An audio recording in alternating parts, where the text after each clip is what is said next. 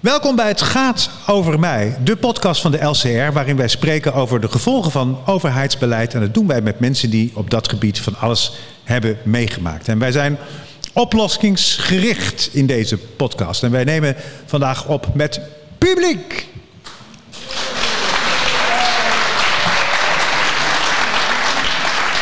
Wij zitten in de sociëteit De Vereniging te Den Haag. De vorige keer namen wij ook op in de Vereniging Den Haag. Als je deze zaal vaker boekt, krijg je korting. en toen namen wij op uh, op het afscheid van Amma Assante, de vorige voorzitter. En deze keer luistert de nieuwe voorzitter, Fatma Kozakaya, mee. Ik ben Vincent Bijlo, links naast mij mijn sidekick Rietje Krijnen. Goedemiddag. Um, Hanny Heuveling is hier. En Yvonne Liwon. Goedemiddag. Uh, Hanny, uh, ja. laat ik met jou beginnen.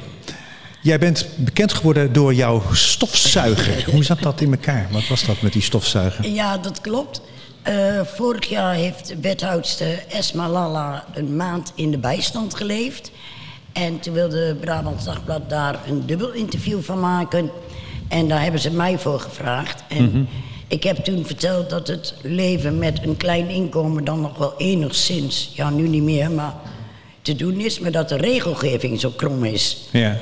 En ik had destijds een, was mijn stofzuiger kapot. En nou, hoe lang is dat geleden dan? Dat was denk ik rond 2014, 15 zoiets. Nee, te veel gezogen. Ging ik naar de bijzondere bijstand toe om te vragen voor uh, een nieuwe stofzuiger. Ja. En toen kreeg ik een brief terug. In eerste instantie, u kunt vegen, want u heeft een gladde vloer. Nou, nou ja. Dan, ja, dan doe je dat, want de gemeente die zegt dat. En toen was ik nog best wel een beetje naïef. En ik heb dat ook nog een paar maanden gedaan. Braaf geveegd. En toen ben ik weer naar de bijstand gegaan. Toen kreeg ik een brief dat er dus twee mensen bij mij thuis zouden komen... om te controleren of daadwerkelijk de stofzuiger kapot was. En dat moet dan in het kader van veiligheid. Op de dag zelf dat ze zouden komen had er iemand afgebeld. Dus of de afspraak moest verzet worden. Toen zeiden ze van, nou je kunt ook met je stofzuiger naar ons komen. Dan kijken we hier even of die kapot is. Zo. Dus stofzuiger op de fiets, naar het werk en inkomen. En toen werd hij aan het publiek geconstateerd dat hij het niet meer deed. Het zou toch verschrikkelijk zijn als hij het opeens wel deed daar.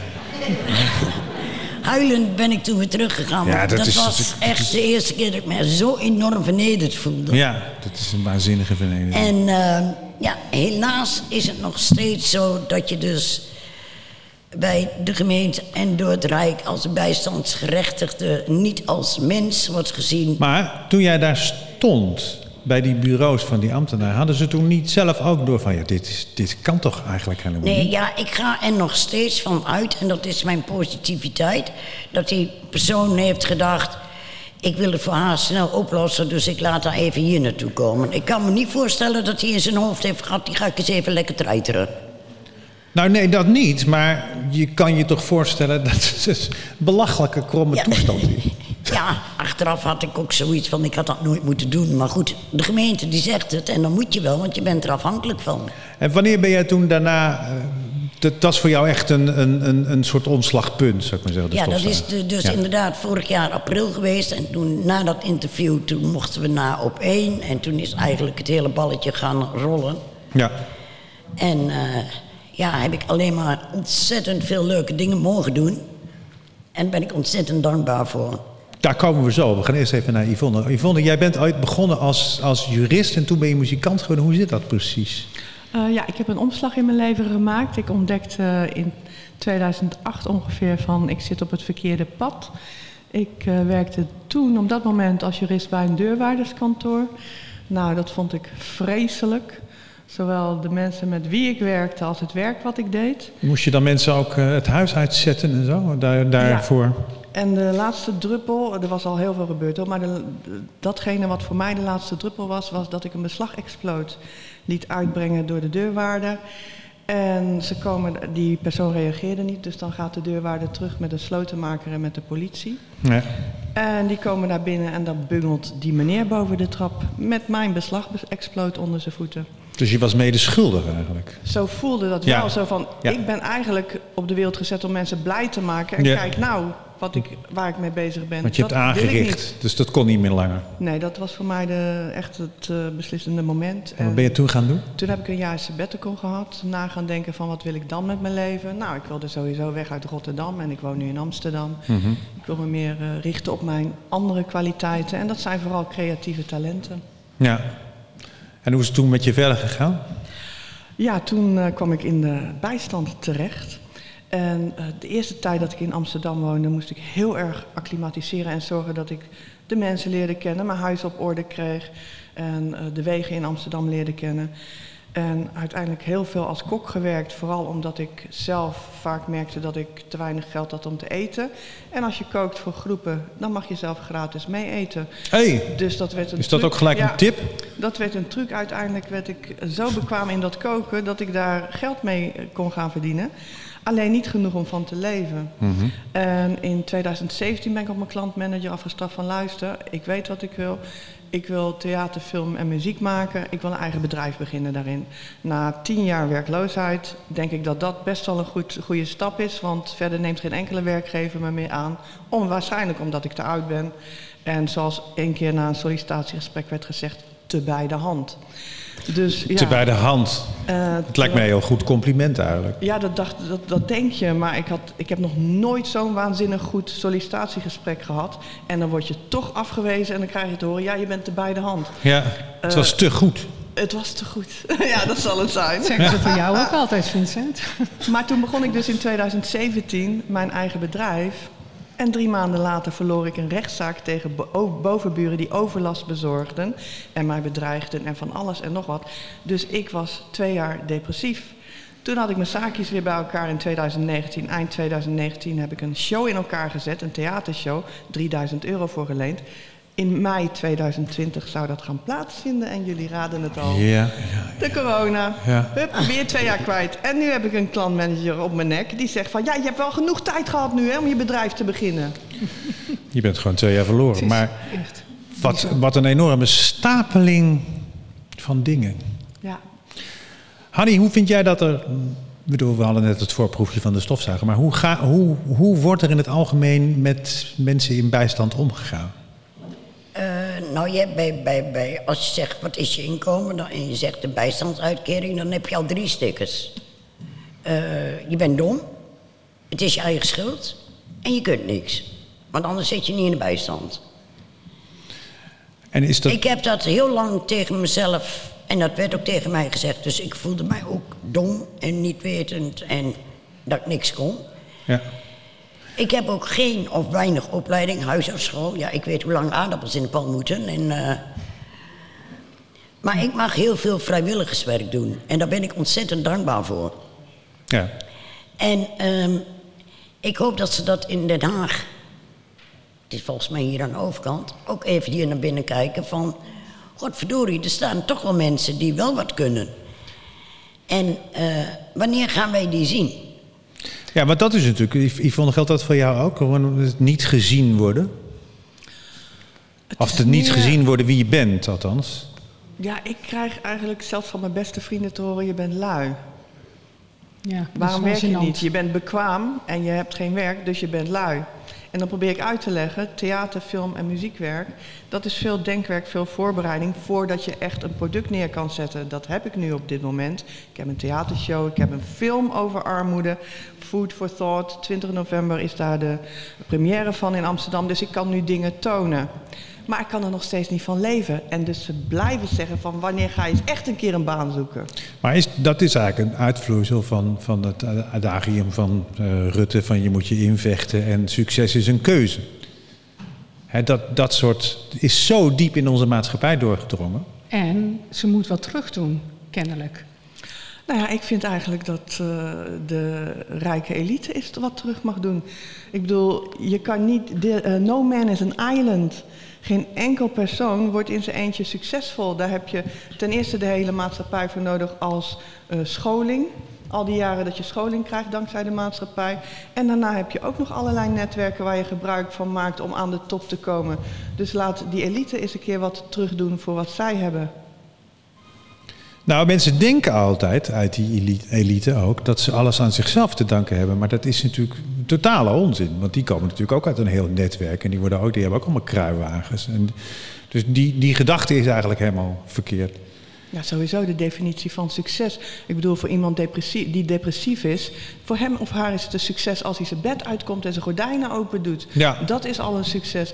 En voor de rest waar mensen, wat voor maatstaven er worden gebruikt, dat vind ik heel persoonlijk. Han- Hanny, vind jij dat ook, dat de elite iets terug moet doen?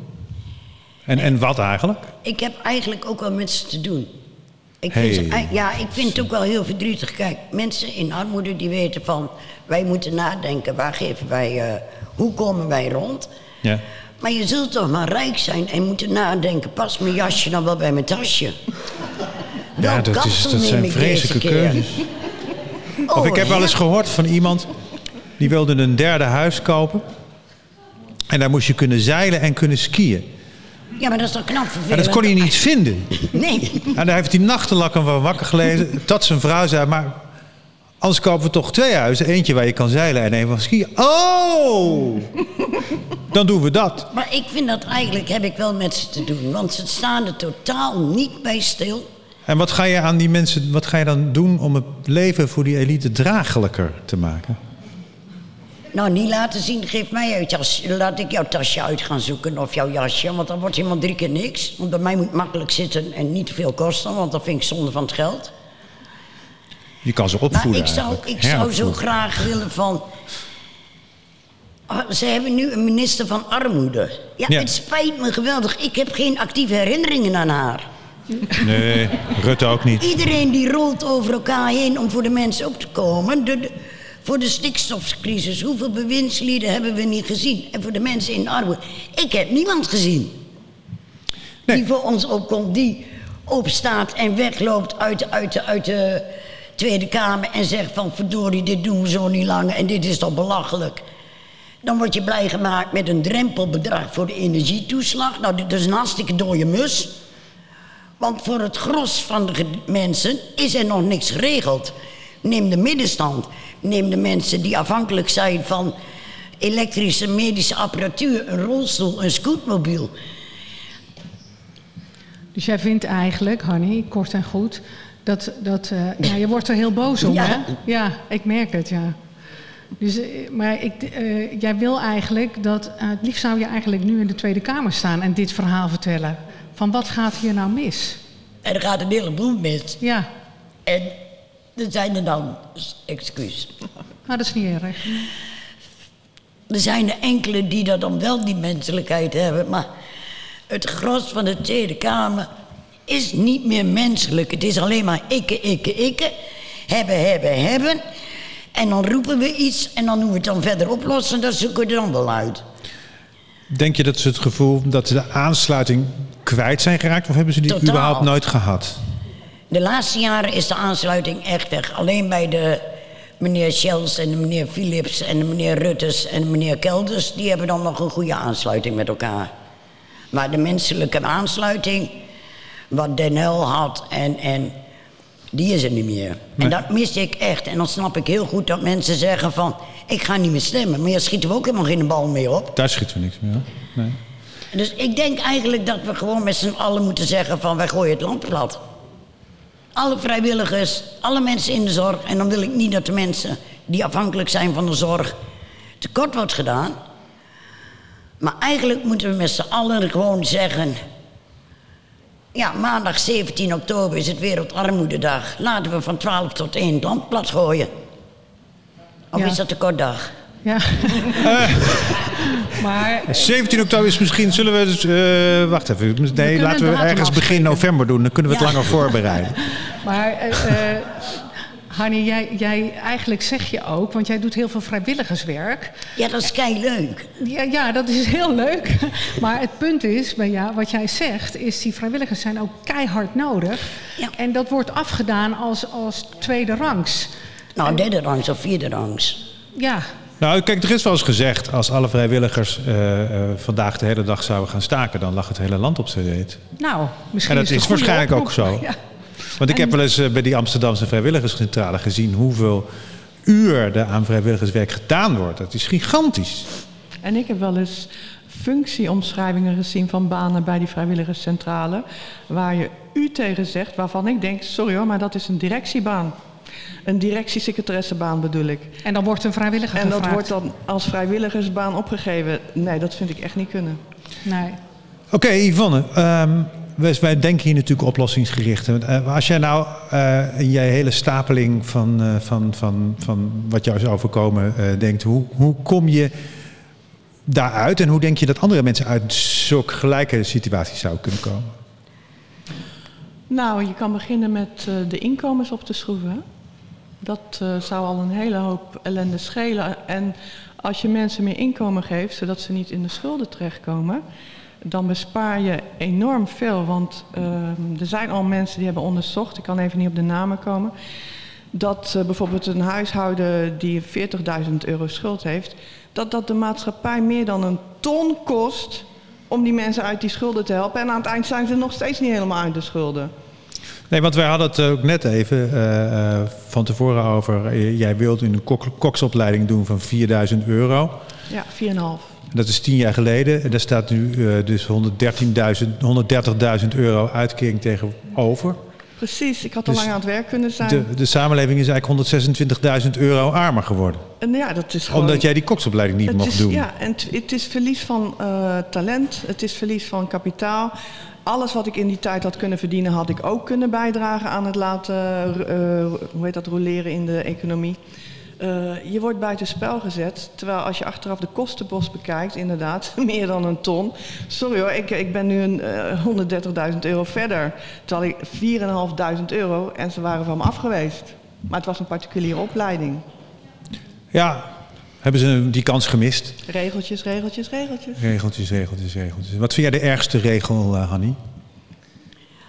Het loketjesbos bij de gemeente.